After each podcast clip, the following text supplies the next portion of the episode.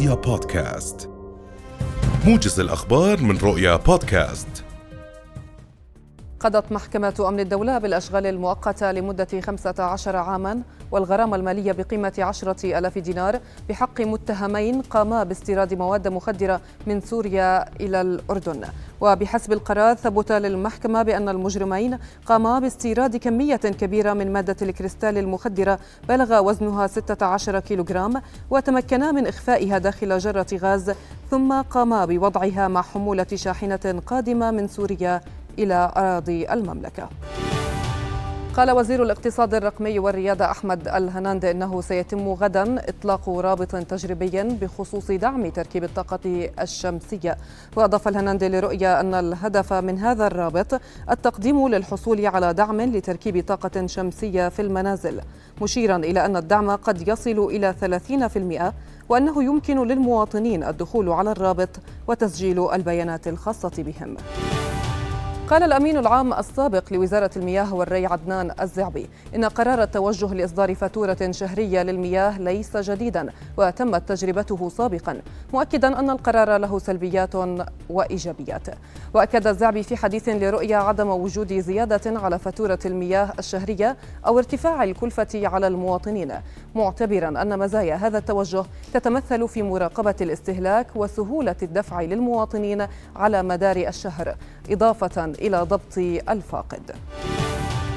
قال الناطق الإعلامي باسم وزارة الزراعة لورنس المجالي قال أنه تم منع إدخال زيت الزيتون عبر المنافذ الحدودية وذلك بالتنسيق مع الجهات المختصة.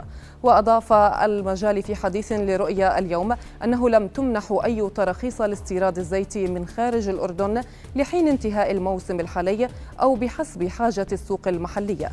مشيرا إلى أن هذا القرار جاء حماية للمنتج المحلي. اقتحم عشرات المستوطنين المتطرفين صباح اليوم المسجد الأقصى المبارك من جهة باب المغاربة بحماية مشددة من قوات الاحتلال الإسرائيلي. وأفادت دائرة الأوقاف الإسلامية في القدس المحتلة بأن المستوطنين نفذوا جولات استفزازية في باحاته وأدوا طقوسا تلمودية بحماية مشددة من شرطة الاحتلال.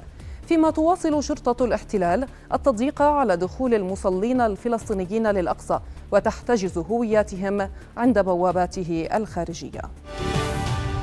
تعرضت كييف صباح هذا اليوم لهجمات بواسطة طائرات مسيرة انتحارية بحسب ما أعلن رئيس مكتب الرئاسة الأوكرانية أندري يرماك بعد سماع سلسلة انفجارات هزت أحد الأحياء بوسط العاصمة.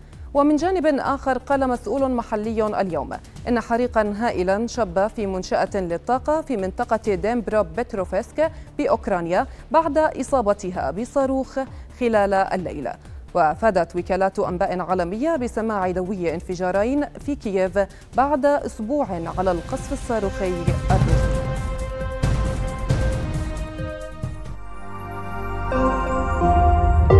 رؤيا بودكاست.